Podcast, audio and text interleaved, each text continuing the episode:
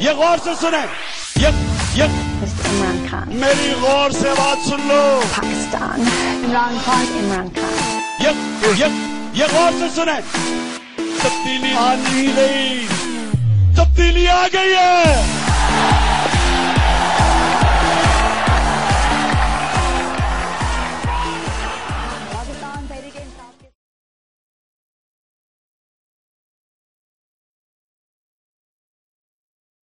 אוקיי, בוקר טוב, צהריים טובים, אחר צהריים טובים, ערב טוב, לילה טוב ולפנות בוקר נהדר לכם. אתם מאזינים למשדר רשת, לי קוראים ארז. מה שאני הולך לנסות היום, כלומר, מה שאני הולך לעשות היום, ואני כבר מגדיר את זה כלנסות, אה, זה בעצם להקליט מחדש את המשדר... אה, טוב, זה משדר 18, ואני חושב שהוא היה באזור ה-10. אה, זה היה משדר שתוכנן אה, כאמור לאז, לא הצליח, אז עשיתי, אה, הקלטתי אותו בעצם, לא הקלטתי אותו מחדש, כמו שאני בדרך כלל עושה. חלק גדול מהעניין פה, ואולי כדאי שאני אגיד על מה המשדר ההוא היה אמור להיות, הוא אמור להיות על הצורה שבה אנשים רואים את העולם, אה, כשאני מתכוון לאנשים, אני לא מתכוון לפשוטי העם, אני מתכוון למה שמכונה העשירון, המאיון, האלפיון העליון. קצת לתת איזשהו מושג על איך זווית הראייה של אנשים שמנהלים חברות ודברים, למרות שזה נשמע אולי קצת מוזר או קצת טריוויאלי, אני חושב שיש מקום להתמקד על נקודה מסוימת, ודרכה אולי אפשר להבין כמה דברים משתי סיבות. א', כי אלה האנשים שמנהלים את העולם, מה לעשות, ותכף נדבר על זה. וב', מכיוון שהשיטת הסתכלות הזאת חלחלה ומחלחלת לכל דבר. זה שבן אדם אה, אה, עובד אה, כ- כמנכ"ל או, או בעל של חברה שיש לה עשרת אלפים איש, אה, או, או מיליון איש, אני לא יודע, אה, לא נשמע אה, אה, הגיוני שיסתכל אולי על החברה בצורה מסוימת, אבל צריך להבין שאת אותה שיטת הסתכלות מלמדים ו- ו- ומשתמשים בה גם אנשים שמנהלים חברה של עשרה אנשים, של חמישה אנשים, של מאה איש. פשוט הכל תלוי בבן אדם ובמה הוא, אה, אה, איך הוא רואה את צורת ההסתכלות שלו. לפני שאני נוגע בזה או מגיע לזה, הרעיון היה כאמור שאני אה, התחלתי ואיפשהו די הלכתי לאיבוד. והעניין פה באמת הוא שאין מצב, לי קשה לחזור על אה, לעשות, להקליט את המשדר שוב. אני שומע לפעמים אה, דברים שאנשים אומרים, זאת פעם שלישית שאנחנו מנסים, אני לא מסוגל. פעם שלישית או פעם שנייה להקליט את אותו משדר זה מבחינת, אלא אם כן אנחנו מדברים על דקה, שתיים, אה, שתי דק, שלוש, ארבע דקות של הקלטה, אני עוד אומר בסדר, פול סטארט, מתחילים שוב. אבל להקליט שוב משדר, אם כבר נתתי 20-30 דקות מתוכו, זה אפילו רבע שעה, זה מבחינתי משהו שאני לא רואה את עצמי עושה. ולא רק שאני לא רואה את עצמי עושה את זה, מניסיון הקטן שכבר יש לי, זה, אני לא יכול לעשות את זה. וחלק מהסיבה היא, וחלק מהסיבה שהמשדר ההוא התחרבש, היא שאין לי שום הכנות. אני יושב פה, יש לי רעיון, יש לי נושא, אני הולך לדבר עליו, מה שיקרה יקרה. יצליח, לא יצליח, זה מה שיש. ולכן, כשהמשדר ההוא לא הצליח, לבוא ולהתחיל אותו מחדש, זה מבחינתי קצת כמו אה, לבוא למישהו ש, שאני יודע, רץ, אה, ניסה לרוץ מרתון, ובקילומטר ה-15 התמוטט. אז מקימים אותו, נותנים לו שלוק מים, מנערים אותו קצת, אומרים לו, טוב, לך לנקודת ההתחלה ותתחיל שוב. מה הסיכוי שהבן אדם הזה עכשיו ירוץ קילומטר? אני מניח שבשלב הזה הוא לא מסוגל אפילו ללכת קילומטר, אז לרוץ את הקילומטר הזה כבר אין סיכוי. ומבחינתי זו אותה הרגשה, להקליט אה, משדר אחר, מה שבזמנו היה, הקלטתי את אה, מה אני עושה כאן, שאני לא זוכר איזה משדר זה היה, כי אפילו את האתר שלי אני לא טורח לפתוח לפני שאני מקליט. אה, כן, לא הייתה שום בעיה עם זה, וזה אפילו יצא די סבבה, עד לנקודה שאני מתחיל לחזור על עצמי בסוף. אבל, אבל להקליט את אותו משדר שוב, אני צריך לקחת חודש, חודש חופש מהסיפור.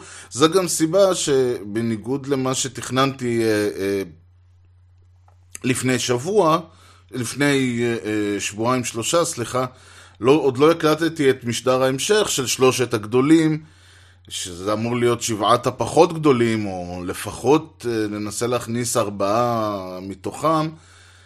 כי שוב, הגע, הגעתי לנקודה שנתקעתי ואמרתי, טוב, לא הולך, צריך לחשוב על זה מחדש. אז כאמור, הרעיון פה הוא באמת לדבר על... אה, זה, זה במקור היה אמור להיות כאילו על, ה, על העשירים ואנחנו, בעלי ההון ואנחנו, אבל אני לא חושב שצריך להסתכל דווקא על בעלי ההון, במיוחד שהפואנטה שלי פה היא לא להתמקד ב, ב, בתפיסה של מי שיש לו, שמישהו שיש לו כסף או שהוא עשיר, אלא בתפיסה נקרא לזה עסקית, או, או אפילו הייתי אומר אה, אה, ראייה עסקית במובן מסוים. הראייה העסקית הזאת היא תולדה של משהו, אבל לפני שאני נוגע במשהו הזה ו- ובראייה עצמה, חשוב לי להגדיר מה אני, למה אני מתכוון שאני אומר האנשים שמנהלים את העולם. אחד הממים שעלו לפני, בעקבות המשבר הכלכלי של 2007-2008, נכון שאנשים מדברים עליו כמשבר הכלכלי של 2008, אבל הפועל המשבר הכלכלי הזה התחיל ב-2007, פשוט הקריסה קרתה ב-2008, המשבר כבר היה, כבר התחיל ב-2007, וזה פשוט שאלה של מתי מסתכלים עליו. זה כמו שאני אגיד, זה שהילד נולד בתאריך מסוים, זה לא אומר שהילד לא נוצר תשעה חודשים קודם. אז באותה מובן המשבר עצמו נול... נברא ב-2007, הוא פשוט הקריסה קרתה ב-2008. ואחד הדברים שעלו בנושא העניין הזה, וזה גם כן מתחבר מאוד מאוד בצורה ישירה וחזקה למה שאני הולך לדבר עליו, זה העניין הזה שהתחילו לדבר אז על ה-1%, על האחוז האחד. ולפני שאני בכלל אגע בזה, אני חייב להגיד, כי, כי מילים מאוד uh, מעסיקות אותי ואני מאוד מתחבר אליהן, אני חייב להגיד שלדבר על האחוז האחד זה כבר ווין מטורף של אותו, uh, uh, של מי שאנחנו מכנים האחוז האחד, מכיוון שהלוואי uh, וזה היה אחוז אחד. אני לא צוחק אם, אם נגיע למצב שבו ה... ה העושר והכוח והשליטה תהיה של האחוז האחד, מצבנו טוב. אם נסתכל לרגע על מדינת ישראל הקטנה, שמונה מיליון, בין שבעה לשמונה מיליון, תלוי איך סופרים ומי סופר אה, אה, אנשים, ונגיד, אוקיי, מי מנהל את המדינה? מי מחזיק את המדינה? מי בעצם המוציא והמביא, המוברס והשייקרס? אני מניח שכולנו נגיד, אוקיי, יש לך 120 חברי כנסת, מתוכם כ-30 בממשלה, שמנו בצד 120. בואו ניקח עוד את בעלי ההון, שאין יותר מדי מהם, אבל נגיד שיש עוד 20, אפילו נלך על 30 בשביל זה, הגענו ל-150 איש. עכשיו אני אומר, בואו נגדיל את, המ... בואו נתחיל לעגל את המספר הזה, כי זה מספר, מס... כי זה... אני אומר, בואו לא נתמקד רק בהם. בואו נעגל את המספר הזה ונגיד שיש 250 אנשים שכרגע מנהלים את המדינה. אתם יודעים מה? 500. עליי. אתם יודעים מה? 800 איש. אני, אני באמת אומר, בואו נתפרע פה, בואו נכניס את כל מי שאני יכול לחשוב עליו. 800 איש מנהלים את מדינת ישראל עם 8 מיליון האנשים. 800 איש מתוך 8 מיליון זה לא אחוז אחד. יותר גרוע זה גם לא עשירית האחוז, זאת מאית האחוז. אם אני זוכר נכון את המתמטיקה שלמדתי בחטיבה, זה אמור להיות, אה, זה, זה מאית האחוז. כלומר, זה לא העשירון העליון, זה, זה ה... לא המאיון העליון, זה האלפיון העליון. וזה בדיוק הבעיה פה, הכסף והכוח לא מוחז... ואני אמרתי פה 800, למרות שאני בספק אם אנחנו נעבור את, אם נצליח לעבור את ה-300 ככה, אם נדחוף את כל מי שאפשר לחשוב עליו. ולכן הבעיה העיקרית כאן היא שיש לנו מספר מאוד מצומצם של אנשים שאחראי ומנהל מספר מאוד מאוד מאוד גדול של אנשים. והמספר הזה הוא זהה לחלוטין לדעתי בכל העולם. אם אנחנו ניקח מדינות אה, שיש בהן אה, שמונ... לא שמונה מיליון אלא שמונים מיליון, כמו באנגליה, או ניקח מדינות שיש שמונה מאות מיליון, או, או מיליארד וחצי, לא משנה. המספרים, לא רק שהם לא משתפרים, הם נהיים בדרך כלל יותר גרועים. או מספרים די זהים, נקרא לזה, של אנשים. אה, כי אם אנחנו נגיד אנגליה, בריטניה, 80 מיליון איש, בשביל להגיע למצב שבו אה, המספר בבריטניה של אנשים שמנהלים את המדינה יהיה גם כן 0.01 אחוז, אנחנו צריכים 8,000 איש שמה שמנהלים את המדינה. יכול להיות שיש להם 8,000 איש, רוב הסיכוי שיש להם הרבה פחות, כמו שרוב הסיכוי אגב שיש בישראל הרבה פחות מ-800, אבל בואו נשאיר את המספרים האלה עגולים ויפים. ואותו דבר בארצות הברית, ואותו דבר ברוסיה ובסין ובהודו ובגרמניה ובדרום אפריקה ובקניה. המספרים חייבים להיות גדולים יחסית כדי שאנחנו מדברים פה על...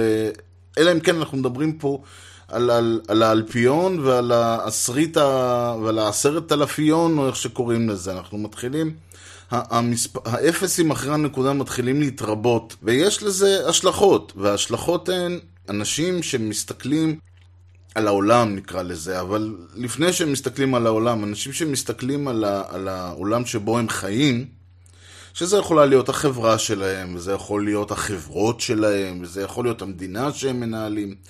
מהר מאוד אה, מפסיקים להסתכל על, ה, על דברים בצורה, מה שאנחנו היינו אולי רוצים לכנות אנושית, ומתחילים להסתכל על העולם בצורה מאוד מאוד... אה, המילה שעולה לי לראש היא מכנית, אבל אולי הייתי חושב שנכון יותר לומר סטטיסטית. וזה בדיוק הנקודה שצריך אה, אולי להתחיל איתה, אה, אבל אולי לפני זה צריך לעשות איזשהו, נעשה איזשהו מעבר קצר ככה לראות בעצם למה התפיסה הזאת חלה. עכשיו מה שקורה, ניקח באמת אה, דוגמה, נגיד מישהו שיש לו חברה קטנה, אני, הדוגמה הראשונה שקופצתי לראש זה מוסך, כי שם אתה בדרך כלל אה, רואה את, ה, את בעל המקום, הוא אחד מהאנשים, עומדים, אתה מגיע עם הרכב למוסך, בכוחות עצמך יש לקוות, או עם גרר, עומדים שם חמישה-שישה חבר'ה בגילאים שונים, עומד ביניהם מישהו בעל המוסך בדרך כלל. אולי היום זה כבר משתנה.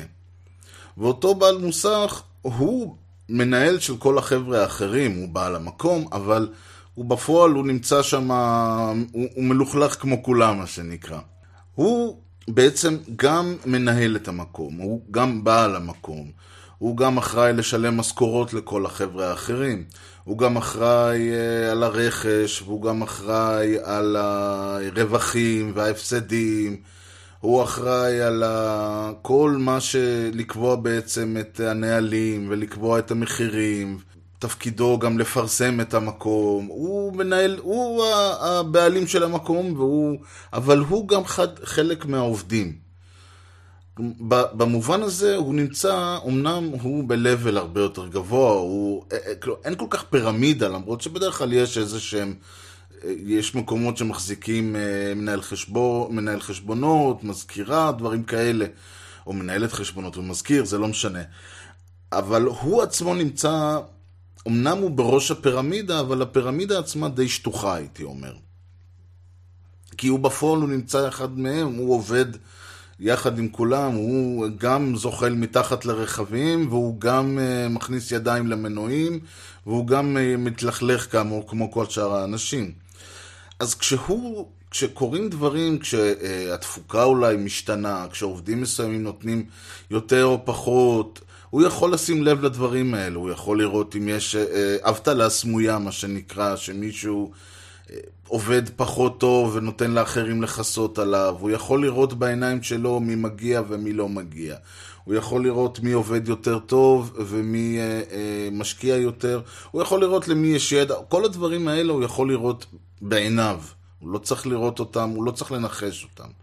ו- וזה, וזה דברים שגם כמובן מעניינים אותו, כי הם תורמים אה, ככל שהעובדים מרוצים יותר ויעילים יותר ו- ו- ויודעים יותר ומב- ויותר אכפת להם ונותנים יותר, אה, אני יודע, שעות או יותר אה, אה, עבודה.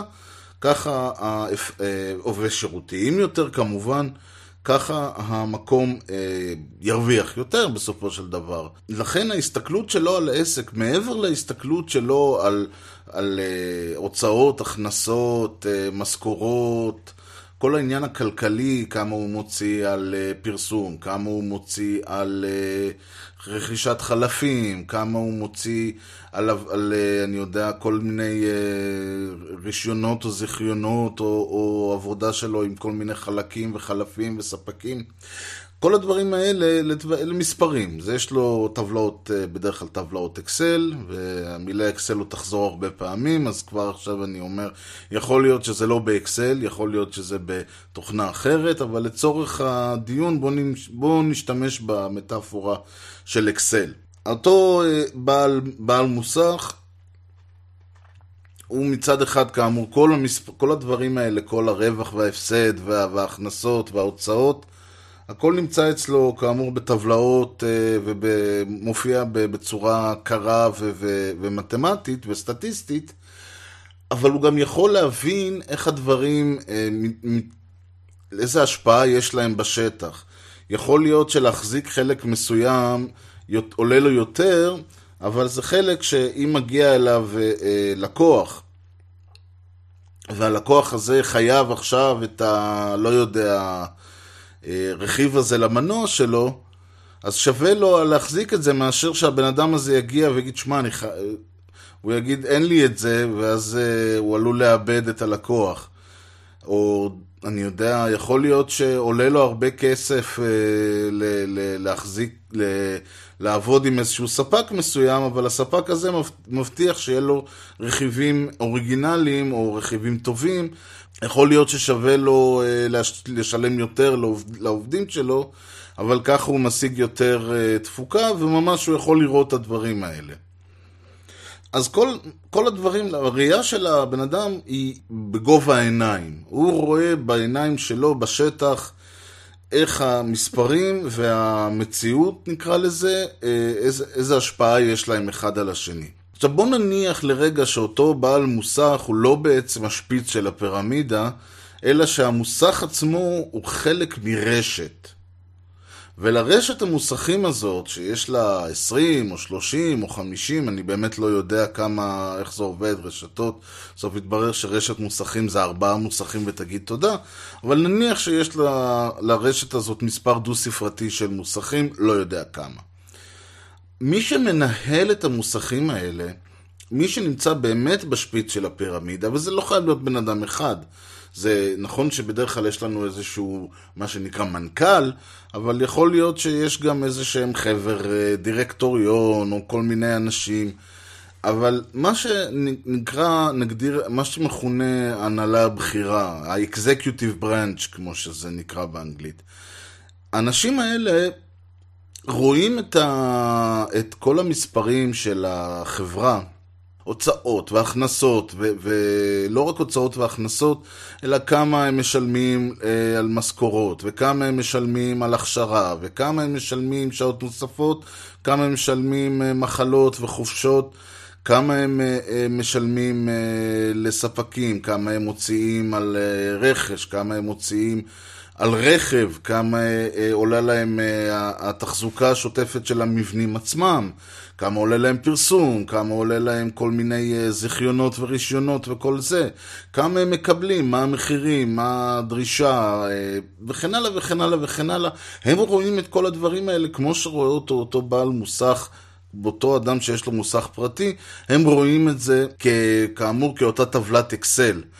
אלא שפה ההבדל המהותי בינם לבין אותו בעל מוסך פרטי. הם לא רואים איך הדברים האלה נראים בשטח. נכון, הם יכולים לשאול, הם יכולים לבוא לאותם בעלי מוסכים שהם עובדים מולם ולהגיד להם, חבר'ה, מה בדיוק הסיבה שהמשכורות עלו ככה? מה בדיוק הסיבה שהיו לנו יותר מדי ימי מחלה? מה הסיבה שההכנסות ירדו? מה הסיבה שהיינו צריכים להוציא יותר על רכש? כל מיני שאלות כאלה של למה יש, למה יש יותר, יותר פניות למוסך הזה מאשר למוסך הזה, כל מיני שאלות שהם יכולים לשאול, שנובעות בסופו של דבר מהדברים שהם רואים באותן טבלאות אקסל. והם יכולים לשאול, אבל בסופו של דבר הראייה שלהם היא ראייה שהיא הרבה יותר, כמו שאמרתי, סטטיסטית.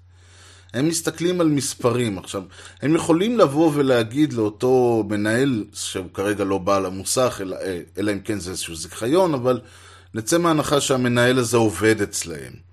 יכולים להגיד לו, תשמע, יש לנו כרגע עלייה מאוד מאוד גבוהה בהוצאות על רכש, ויש לנו ירידה, משום מה, בהכנסות על טיפולי עשרת אלפים, הכנה לטסטים, נגיד, שזה משהו שאנשים חייבים לעשות. כלומר, זה איזושהי הכנסה שאמורה להיות שוטפת. עכשיו, והם באים ואומרים, תשמע, אני רוצה להעלות את הנושא הזה של ההכנסה, להעלות את המספר בטור הזה ב-10.7%, ואני רוצה להוריד את המספר בטור הזה ב-8.2%. Go make it happen. עכשיו, אותו מנהל מוסך יכול להסתכל על המספרים ועל ההוראות שהוא מקבל מאותם, מההנהלה שלו. ובזכות הידע שלו, בזכות זה שהוא באמת נמצא בשטח, הוא מת... יכול לתרגם את המספרים האלה, את ההנחיות האלה, לדברים אופרנטיים. הוא יכול להגיד, להביא עוד בן אדם שכולם יעבדו פחות שעות, או, מבחינה... או להוריד בן אדם ושכולם יעבדו יותר שעות. אז הוא מסתכל ואז הוא רואה מה, משני האופ... מה משתי האופציות נותן לו אה, את אותה ירידה של 8.2 אחוז. יכול להיות שהוא אה, צריך לתת איזה, יכול להיות שיש אה, סיבה אה, שהוא רואה בשטח למה אנשים פחות באים אליו לטיפולי עשרת אלפים. אולי צריך לפרסם יותר, אולי צריך, אולי אנשים היה להם אה, אה, התרשמות שלילית, אולי אה, המוסך השני, אה, לא יודע מה. נותן לך רכב חלופי וקפה, אני לא יודע, אבל הרעיון פה הוא שאותו בעל מוסך, סליחה, אותו מנהל מוסך, הוא יכול, הוא לוקח את המספרים האלה ויכול לתרגם אותם למה שקורה בשטח. עכשיו בואו נצא מההנחה לרגע, עד עכשיו הכל היה סבבה, נגיד, בואו נצא מההנחה לרגע ש, שאותו מנהל של רשת המוסכים הוא לא השפיץ של הפירמידה, אלא שרשת המוסכים עצמה היא חלק מקונצרן גדול יותר, שכולל בתוכו נגיד גם יבואני רכב. נגיד, הוא כולל גם, אה, יש אנשים שלא יודע מה, חברת חלפים, הוא כולל עוד כל מיני חברות. עכשיו, בראש הפירמידה הזאת יושב שוב פעם, יושבים שוב פעם מנכ"לים וסמנכ"לים למיניהם. וגם הם רואים את ההכנסות וההוצאות של החברות, ש, של הקונצרן שלהם, באותה טבלת אקסל אה, אה, קרה וסטטיסטית.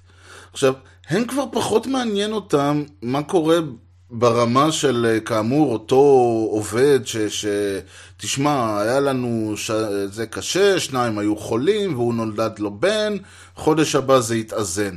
לא מעניין אותו כי הוא מסתכל, כי כבר בשלב הזה מסתכלים על, על מספרים כמספרים נטו. כלומר, הוא כבר לא, אפילו לא מסתכל על המספרים בתור כמה, כמו שאמרנו, כמה נכנסו אה, לטיפול עשרת אלפים, כמה ימי מחלה הוצאנו, אלא ההוצאות כבר בשלב הזה, כי כל דבר, הרי אם יש לו רשת, רשת אה, אם יש לו חנויות, ל, אה, אם הוא יבואן רכב, אין לו שום צורך במספרים של כמה אנשים באו לעשות טיפול עשרת אלפים. זה לא מעניין אותו. באותה מידה, אם יש לו רשת מוסכים, אז פחות מעניין אותו אה, כמה trade-in ים ביצענו אז המספרים מתחילים להתאר, לה- להצטבר בצורה שהיא כבר עוד, עוד level של אבסטרקטיזציה.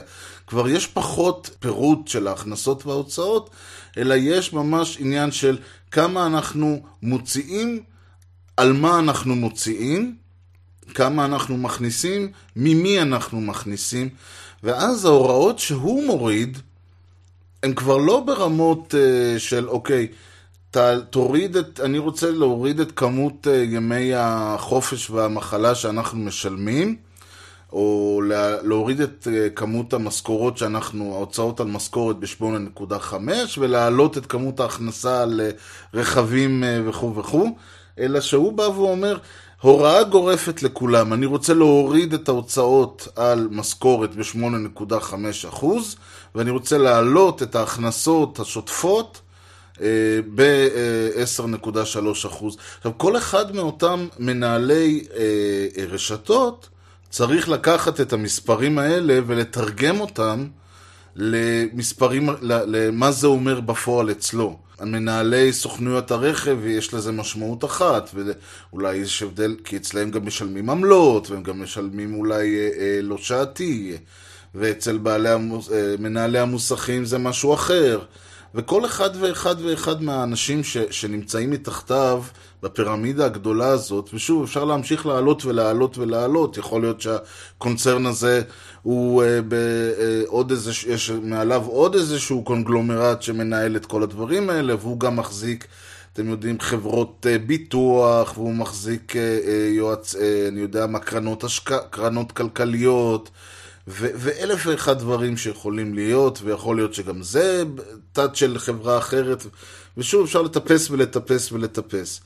ובסופו של דבר, גם ברגע שהחברה הזאת מתחילה להיות, אנחנו מתחילים לטפס, אנחנו גם מקבלים אנשים שבכלל לא נמצאים בתוך הפירמידה, אלא נמצאים מחוץ לפירמידה. כי אם יש לנו, לחברה יש בעלי מניות, לחברה יש אולי, אולי החברה לא נסחרת בבורסה, אבל יש, אבל 20 ומשהו אחוז ממנה נמצא בידי חברה אחרת, או בידי מישהו שהוא עצמו לא בעל, לא המנכ"ל בפועל של החברה, ויש לו השקעות משלו, יש לו השקעות כאמור בקונצרן הזה, ויש לו השקעות בבנק ההוא, ויש לו השקעות ב...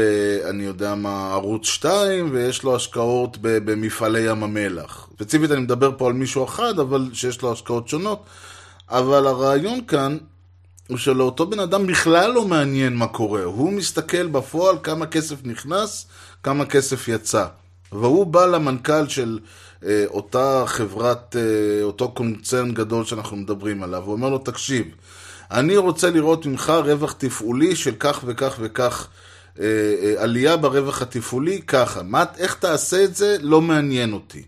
זה מה שאתה עושה. אם אתה לא יכול להראות את זה במהלך הרבעון הזה והזה והזה, אז אנחנו נמצא מישהו אחר שיכול.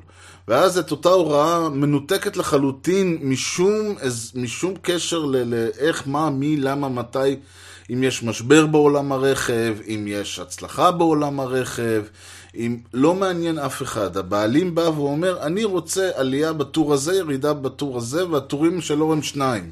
רווח הפסד. כמובן שזה לא ככה, אבל אנחנו נמצאים כבר בשלב של ה... נמצאים בשלב הזה, שבאמת הראייה היא כבר מנותקת לחלוטין ממה שקורה באותו מוסך למטה.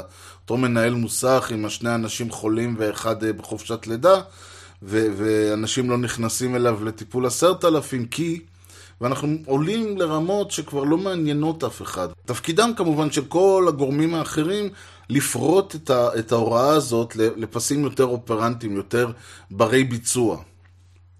למה אני או בונה את כל הטילי טילים האלה במשך ה-25 דקות האחרונות או משהו כזה, כדי להבהיר שבנקודה מסוימת ומעלה, והנקודה הזאת כאמור יכולה לקרות מהר מאוד ויכולה לקרות גם לאט מאוד, כי אם החברה היא לא קונצרן גדול, אלא איזשהו עסק, חברה בסדר גודל של, אני יודע, בארץ זה חברות בסדר גודל של אלפים או עשרת, עשרות אלפים, אבל בחו"ל זה גם יכול להיות מאות אלפים וזה גם יכול להיות מיליונים. אותן חברות, לוקח זמן עד שאנחנו מגיעים ל-level ההנהלה הבכירה בעצם. כי יש לנו אה, צוותים, והצוותים מנוהלים על ידי ראש צוות, ולראש צוות יש ראש אגף, ולראש אגף יש מנהל מחלקה, ולמנהל מחלקה יש אה, מחלקת השיווק, מן הסתם נמצאת תחת סמנכ"ל השיווק, מחלקת הפיתוח, סמנכ"ל הפיתוח, וכן הלאה וכן הלאה, ורק כשאנחנו באמת מגיעים לאותם אה, סמנכ"ל-מנכ"ל, אז אנחנו בעצם מגיעים למצב שבו אנשים אמורים בפועל להסתכל על כל מה שקורה מתחתם בראייה של אה, אה, פלוסים ומינוסים, בראייה אקסלית נטו. כמובן שכולם נמצאים עם תקציבים ולכולם יש, אה, אמורה להיות אצבע על הדופק הכלכלי, התקציבי, התפעולי, הרווחי של החברה.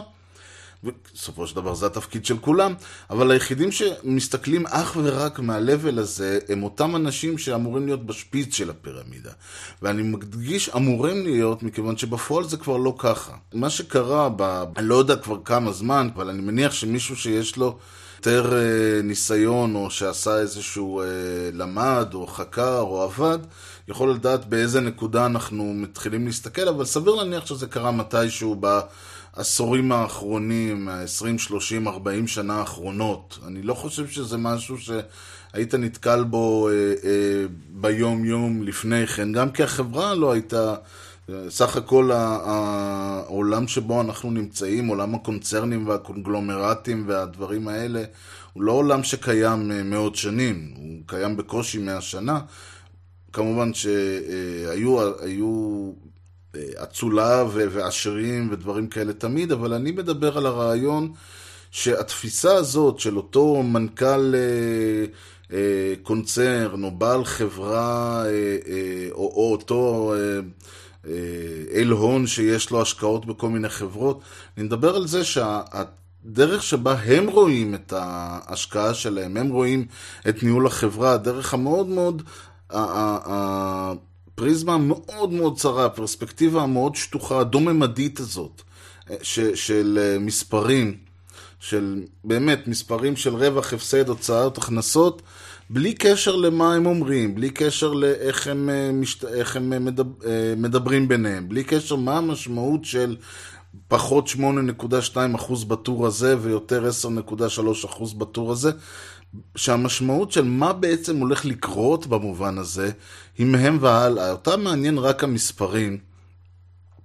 זו תפיסה שהיום מלמדים, או, או לפחות אני, מה שאני יודע, מלמדים במה שנקרא מנהל עסקים. זה מה שמלמדים אותך במנהל עסקים, מלמדים אותך לנהל את המספרים האלה. עכשיו, זה נורא מוזר שבן אדם, אה, כשיש לו עסק, או יש לו איזה סטארט-אפ של אה, עשרה חבר'ה, והוא מתנהל מול אנשים שמשקיעים ודברים כאלה, והוא מתנהל באותה שיטה בדיוק, שזה מצחיק שיש לו חמישה עובדים, כולל הוא אולי, אבל זה לא שונה באותה, זאת אומרת, ההסתכלות שלו על העולם במרכאות, זהה לחלוטין להסתכלות של בן אדם שלא מנהל חמישה אנשים, אלא מנהל חמישה מיליון אנשים. ויותר גרוע מזה, ההסתכלות גם של אה, היום, של מי שמנהל את מדינ... מנהלי מדינות, אם זה ראשי ממשלה, נשיאים, חברי כנסת, פרל... חברי פרלמנט, חברי בתי נבחרים וכיוצא בזה, ההסתכלות שלהם היא זהה לחלוטין.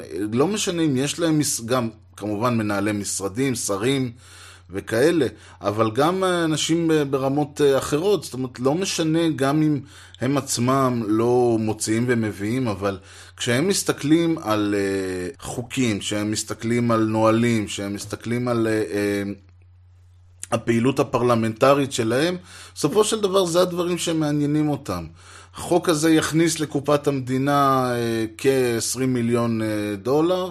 החוק הזה יוציא מקופת המדינה, התיקון לחוק הזה יוציא מקופת המדינה 17 מיליון דולר. החוק הזה יעביר ממשרד זה למשרד זה 35 מיליון שקל. ההסתכלות היא עדיין הסתכלות שהיא כביכול, אתה אומר, רגע, אבל חוקים זה דבר ערכי, פרצופה של המדינה, איך אנחנו רואים, אבל ממש לא, ההסתכלות היא גם כן, היא שטחית לחלוטין. שנועדה בסופו של דבר, כי אותם אנשים נמצאים ביחס לאנשים שבחרו אותם, באותו לבל שנמצא אותו מנכ"ל קונצרן כביכול. למה? כי אם 120 איש מנהלים כאמור 8 מיליון איש, אז אנחנו כבר שוב פעם רואים שלא מעניין אותם מה יקרה לארז שץ כתוצאה מה, מהחוק הזה, או מה יקרה לתושבי uh, רמת גן, או מה יקרה לאנשים בשכונה של, uh, uh, אני יודע מה, באחת השכונות של נתיבות, מה יקרה להם כתוצאה מהחוק. בסופו של דבר, מה שמעניין, אלא אם כן יש להם בוחרים משם, ואז זה מתחיל להיות העסק המעניין. וזה אגב קורה גם בחברות גדולות כמובן, ש... ההסתכלות היא נורא נורא צרה, אבל, בח... אבל במשרד ההוא, או בלשכה ההיא, או בצוות הזה, יש איזה ראש צוות, עשה, הפגין נוכחות בכמה אירועים ובכמה מסיבות, ויודע, התחכך באנשים הנכונים, ופתאום יש לך הסתכלות, הסתכלות שטחית לחלוטין, אבל אותו אוהבים. זה דברים שיכולים לקרות, אז אני לא אומר שזה לא קורה. אבל ההסתכלות עצמה היא הסתכלות כזאת של, של באמת הסתכלות אבסטרקטית לחלוטין על העולם.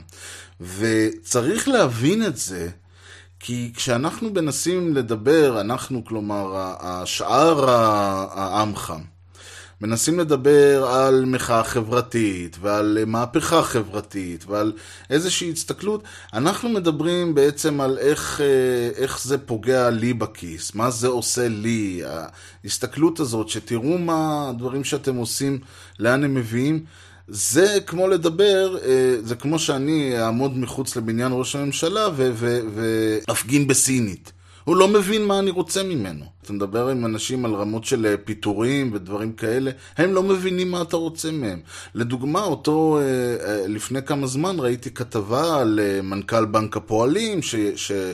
זה מדבר על זה שיש לו איזושהי נכות, ו- ו- ואני מסתכל ואני אומר, כאילו, אתה רוצה שאני ארגיש, אשתתף אה, אה, ב- ב- במצב שלך, שלך קשה לעמוד מול אנשים אחרים? זאת אומרת, זה בן אדם שלא סופר אנשים אחרים, כמו שכבר היה.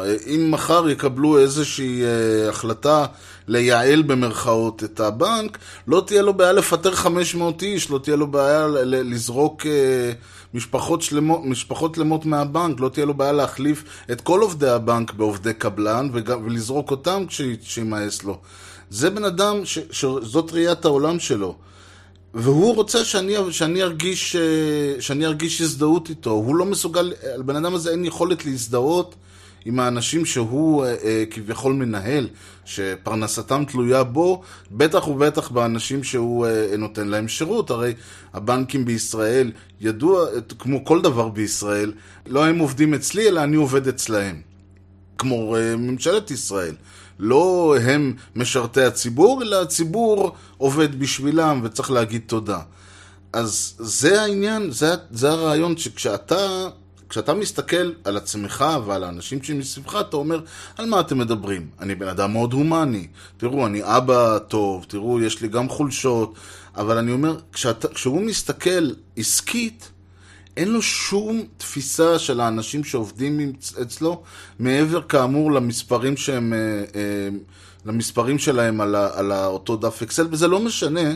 אם הוא בא מחוץ לחברה, או אם הוא בא מתוך החברה, זה לא משנה איך הוא גדל ועלה, יכול להיות שזה יעשה אותו אולי בן אדם טוב יותר כשהוא אה, אה, יודע מה המשמעות של המספרים האלה, אבל זה לא יעזור לו אה, לנהל את הדברים בגלל שההתעסקות שלו חייבת להיות ברמות האלה. אם הוא יתחיל לחשוב מה זה עושה לכל עובד ועובד, כמה התור בסניף הזה יגדל, אם הוא יוריד שני אנשים, וכמה ההוצאות על אה, כך וכך וכך יעלו, אם הוא אה, י, ישאיר את אותם שני אנשים אה, בבנק והתור יהיה נמוך יותר ולאנשים יהיה פחות קשה. אה, לעמוד בתור וכן הלאה וכן הלאה. כל הדברים האלה אומרים, מפריעים לו, כי הוא בתכלס מנהל ארגון שמגלגל מיליארדים, שמחזיק אה, אלפים, או אם לא עשרות אלפים של אה, אה, עובדים, שנותן שירות למאות אלפים, אם לא מיליון, אם לא מיליון משהו של אנשים. זה, אז לכן הוא, כל ההסתכלות הזאת מפריעה לו בעבודתו. והצורה שבה המספרים האלה מת... מתבטאים בשטח, מה שנקרא, לא אמורה לעניין אותו כל עוד ההשפעה של השינוי לא יוצרת יותר נזק במרכאות.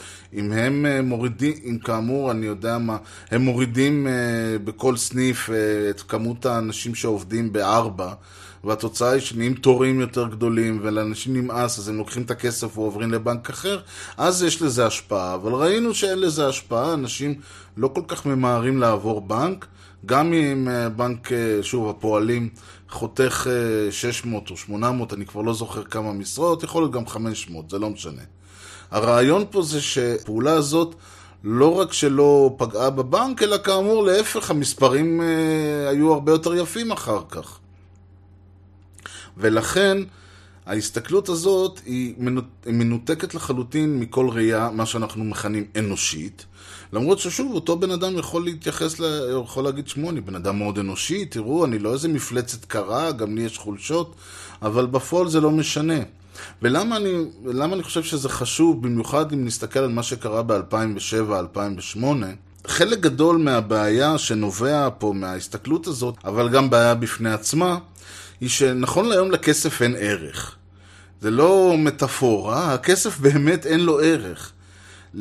הכסף פעם היה אומר שאם למדינה יש אה, אה, הון מסוים, למדינה יש אה, יכולת כלכלית מסוימת, ובעיקר למדינה יש משאבים מסוימים שהתבטאו בזהב, ובעיקר בזהב בעצם, או ביכולת שלה לרכוש או למכור זהב וכל הדברים האלה, הרי שבשנות ה-70, ואני באמת לא זוכר מתי, אבל קל מאוד למצוא את זה, החליטו אה, בארצות הברית ובעקבותם, אני מניח, שאר העולם, אה, מאחר בסך הכל הדולר הוא עדיין המטבע ש, שכל המטבעות האחרים נמדדים לפיו, או רוב המטבעות האחרים נמדדים לפיו, אה, בטח שכל המסחר בנפט וכן הלאה וכן הלאה.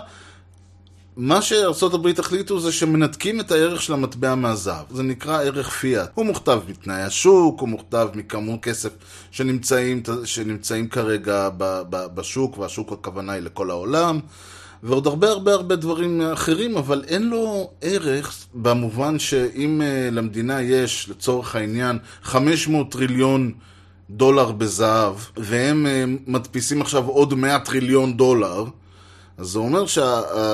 אז עכשיו הכסף שלהם שווה הרבה פחות, אבל אם הכסף לא צמוד לכלום, ולחברה, וכמו שהיה ב-2007-2008, לחברה מסוימת יש עכשיו חוב של מיליארד דולר, אז הם פשוט מדפיסים מיליארד דולר ונותנים לה. כל הכסף של ה bailout לא הגיע משום מקום. זה כסף שה Federal פשוט הדפיס כסף ונתן להם. כמו שקרה לפני כמה, באותה תקופה בארץ, שהדולר צנח וצנח. אז בנק ישראל פשוט הדפיס כסף וקנה אה, אה, דולרים.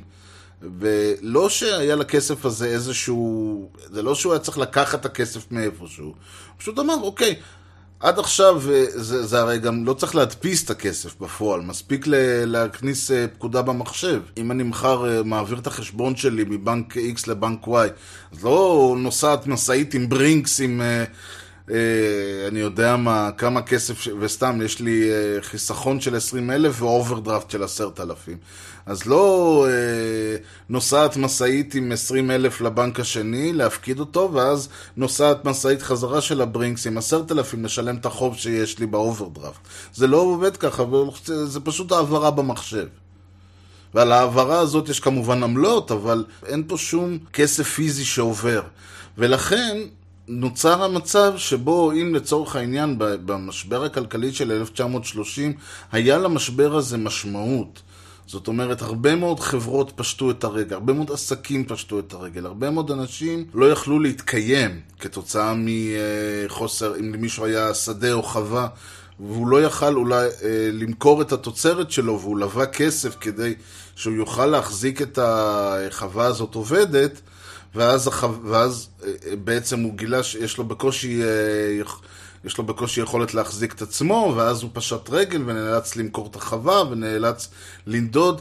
כל הדברים האלה אלה דברים פיזיים שקרו, אנשים שאיבדו את רכושם. ב-2007 זה לא מה שקרה. מה שקרה הוא שניתנה הלוואה לבן אדם לקנות דירה בערך של 110% מהדירה. זאת אומרת, בן אדם לא רק שהוא לא השקיע כסף, הוא גם קיבל יותר כסף ממה שהדירה עצמה שווה. על בסיס החוב הזה, מכיוון שכאמור אין לחוב הזה שום משמעות, סך הכל הבנק הזיז מ... אה, אה, לא יודע, מטור מסוים בטבלה שלו, הזיז כס... הזיז... אה, סתם, הזיז 250 אלף לטור אחר. את החוב הזה, על בסיס החוב הזה הם אמרו, אוקיי, יש לנו כרגע, עכשיו אפשר גם לתת אותו לכמה אנשים. אוקיי, יש לנו עכשיו מינוס של אה, מיליון דולר. אז אנחנו מוכרים את המינוס מיליון דולר הזה לחברה יותר גדולה. והחברה היותר גדולה הזאת הלכה ובזכות זה שעכשיו הם אה, רכשו הכנסה פוטנציאלית לא של מיליון אלא של מיליון מאה אלף, אז הם אמרו, תשמעו, בואו תקנו מאיתנו אגרות חוב בסכום של מיליון מאה, ואנחנו נחזיר לכם אותם כשהכסף הזה יוחזר, אבל הכסף הזה לא יוחזר. כיוון שלאותם אנשים שלא היה להם כסף לרכוש בית מלכתחילה, עכשיו יש הרבה פח... עכשיו, אה, לא רק שאין להם את הכסף לרכוש את הבית, הם צריכים להחזיר גם את, את השווי של הבית, פלוס עשרה אחוז, פלוס ריבית. ו... אז בעצם יש לנו מצב שלבנק, במקום שיהיה לו חוב של 250 אלף, הוא, יש לו עכשיו חוב של מיליון, ויש לו חוב של מיליון עשר, מיליון מאה אלף. החוב הזה כאמור נמכר לבנק אחר. הבנק הזה מכר על, על בסיס המיליון מאה הזה, או מיליון 250, או לא משנה, כמובן המספרים לא היו מיליון, הם היו מיליארדים.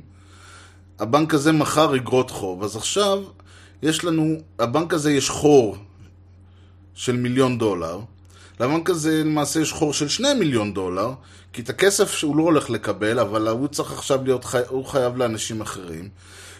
וזה ממש ברמה בסיסית. מה שהם עוד עשו, הם על בסיס האגרות חוב האלה, הם יצרו מה שקראו אז נורא יפה, היה מילה נורא יפה, מכשירים פיננסיים. זה היה דרך מוזרה, ספקולנטית, זה, זה היה לחלוטין, כשאנשים מדברים על להמר בבורסה, זה היה בדיוק העניין, זה היה ממש כמו קזינו, כמו גלגל רולטה כזה, שמכרו כאילו אה, כל מיני, הם כאילו מכרו את החוב, כל מיני הימורים, כמה החוב יוחזר, כמה, אני לא בדיוק יודע, אבל זה היו דברים מוזרים, כי מה שזה אומר זה שהחוב הזה מגולגל, כבר אם אמרנו שהחוב פיזית, גולגל אה, על חברה אחרת, כל הפרדי מיי ופאני אה, מיי ופרדי מק וכל החברות האלה. ועל בסיס זה הם גלגלו את זה ורכשו אה, איגרות. על האיגרות האלה נמכרו כל מיני מכשירים פיננסיים אחרים.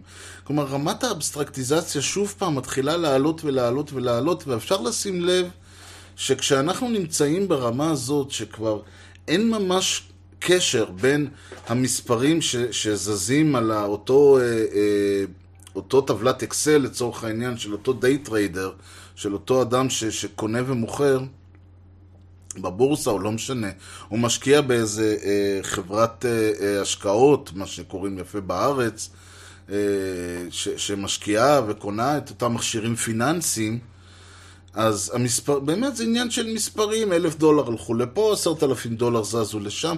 אתה לא רואה לאן זה מגיע, וזה מגיע למצב שיש לך משפחה שכרגע חייבת לא 250 אלף, אלא 300 אלף, ועל ה-300 אלף האלה יש להם ריבית חודשית של אה, 1,500 דולר, והמספרים האלה רק ממשיכים להצטבר, כי גם את זה הם לא מצליחים להחזיר.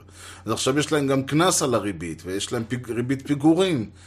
והחובות האלה מצטברים ומצטברים, ותאורטית לאותו אה, בנק, לאותו חברת אה, משכנתאות, מתחיל להיות הרבה והרבה יותר כסף. והכל נורא אבסטרקטי ויפה, כי לכסף אין משמעות. אותם אה, מנכ"לים וסמנכ"לים ואותם יועצי השקעות, גם ככה כבר לא יודעים, מרוב שהם רגילים להסתכל על טבלאות אקסל, לא מעניין אותם מה בפועל המשמעות של המושג הזה? כל מה שמעניין אותם זה שבזכות איזשהו הוקוס פוקוס כלכלי, מישהו הצליח להעלות את הערך הפיקטיבי הזה בעוד uh, עשרה מיליון, אז עכשיו גם יש לו בונוס.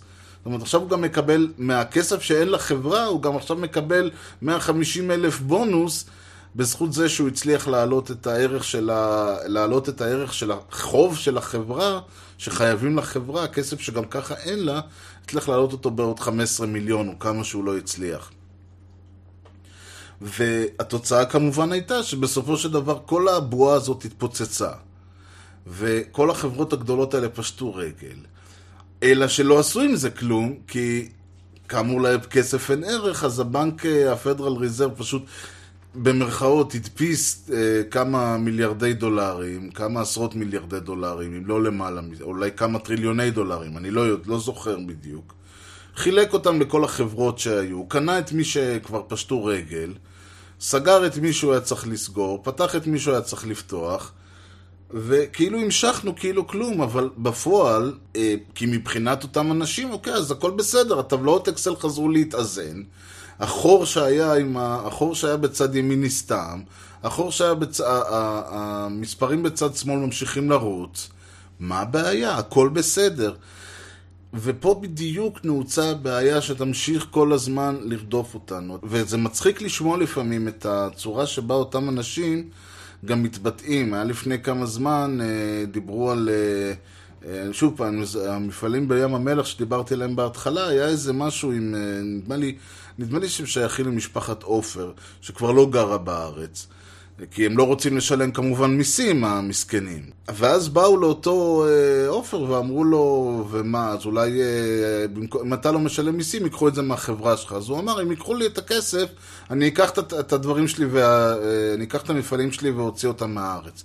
ואני אומר, עם כל הכבוד, אם הוא יצליח להוציא את מפעלי ים המלח ממדינת ישראל, באמת כל הכבוד לו. אני לא יודע איך הוא יצליח לקחת את ים המלח איתו ל... ל לאיי קיימן או, לא, לאירלנד או לאן שהוא יעשה את זה, אבל זאת הראייה שלו, זאת אומרת, ככה הוא רואה את העולם, כי הוא לא... וזה, עם כל זה שה, שה, שהמפעל שלו פיזית נמצא בנקודה מסוימת, על ים מסוים, ו, ומוציא ממנו, אה, מוצץ ממנו את לשד העצמות של הים הזה, וים המלח היום כבר נראה אסון, כאילו, זה ממש אסון טבע, הוא נראה, זה, זה, אני לא יודע איך בכלל אפשר להמשיך ככה, אבל זה לא מעניין אף אחד. למה שזה יעניין אותם? כל מה שמעניין אותם בסופו של דבר הוא, הוא התוצאה בסוף.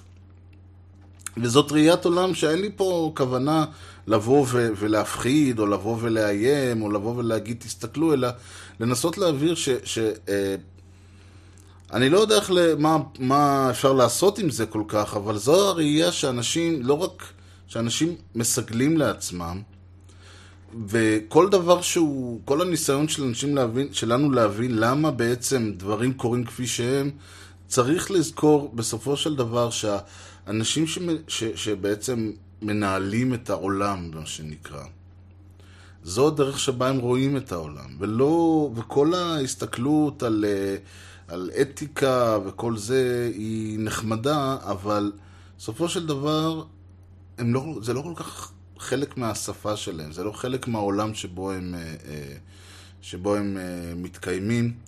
אני חושב שיהיה הרבה יותר, אולי, אולי אפשר יהיה, אולי ככה אפשר יהיה להבין יותר למה דברים קורים ולקרוא את המתרחש בעולם בצורה קצת יותר פשוטה. אם אנחנו נזכור את הדבר הזה, ואני כמובן אקווה להרחיב עליו ולדבר עליו עוד במשדרים עתידיים, אז בואו ניקח את זה בתור איזושהי הקדמה לדברים אחרים, כי, כי אני בטוח שנחזור לנושא הזה באי אלו פעמים. ומה שאומר שעד כאן המשדרנו להיום. אמ, כאמור, אם יש למישהו איזשהו רעיון אה, למשדר עתידי, או איזה שהם השגות, או איזה שהם תיקוני טעויות וכיוצא בזה, המייל שלי הוא ארז שטרודל משדרשת.co.il משדרשת.co.il זה גם הכתובת של האתר, ושם אפשר לראות את כל המשדרי העבר, להירשם ל-RSS כדי לקלוט את כל מש... כדי להוריד את כל משדרי העתיד, לכשיעלו וישתחררו. אה, אפשר למצוא אותי בטוויטר בארז, שטרודל ארז, כמו ש... את ארז, כמו שאוהבים להגיד, למרות שאין לי מושג למה. אה, ומשדרשת כמובן. וזהו, מקווה שנהניתם, שיהיה לכם המשך יום נהדר. תבלו.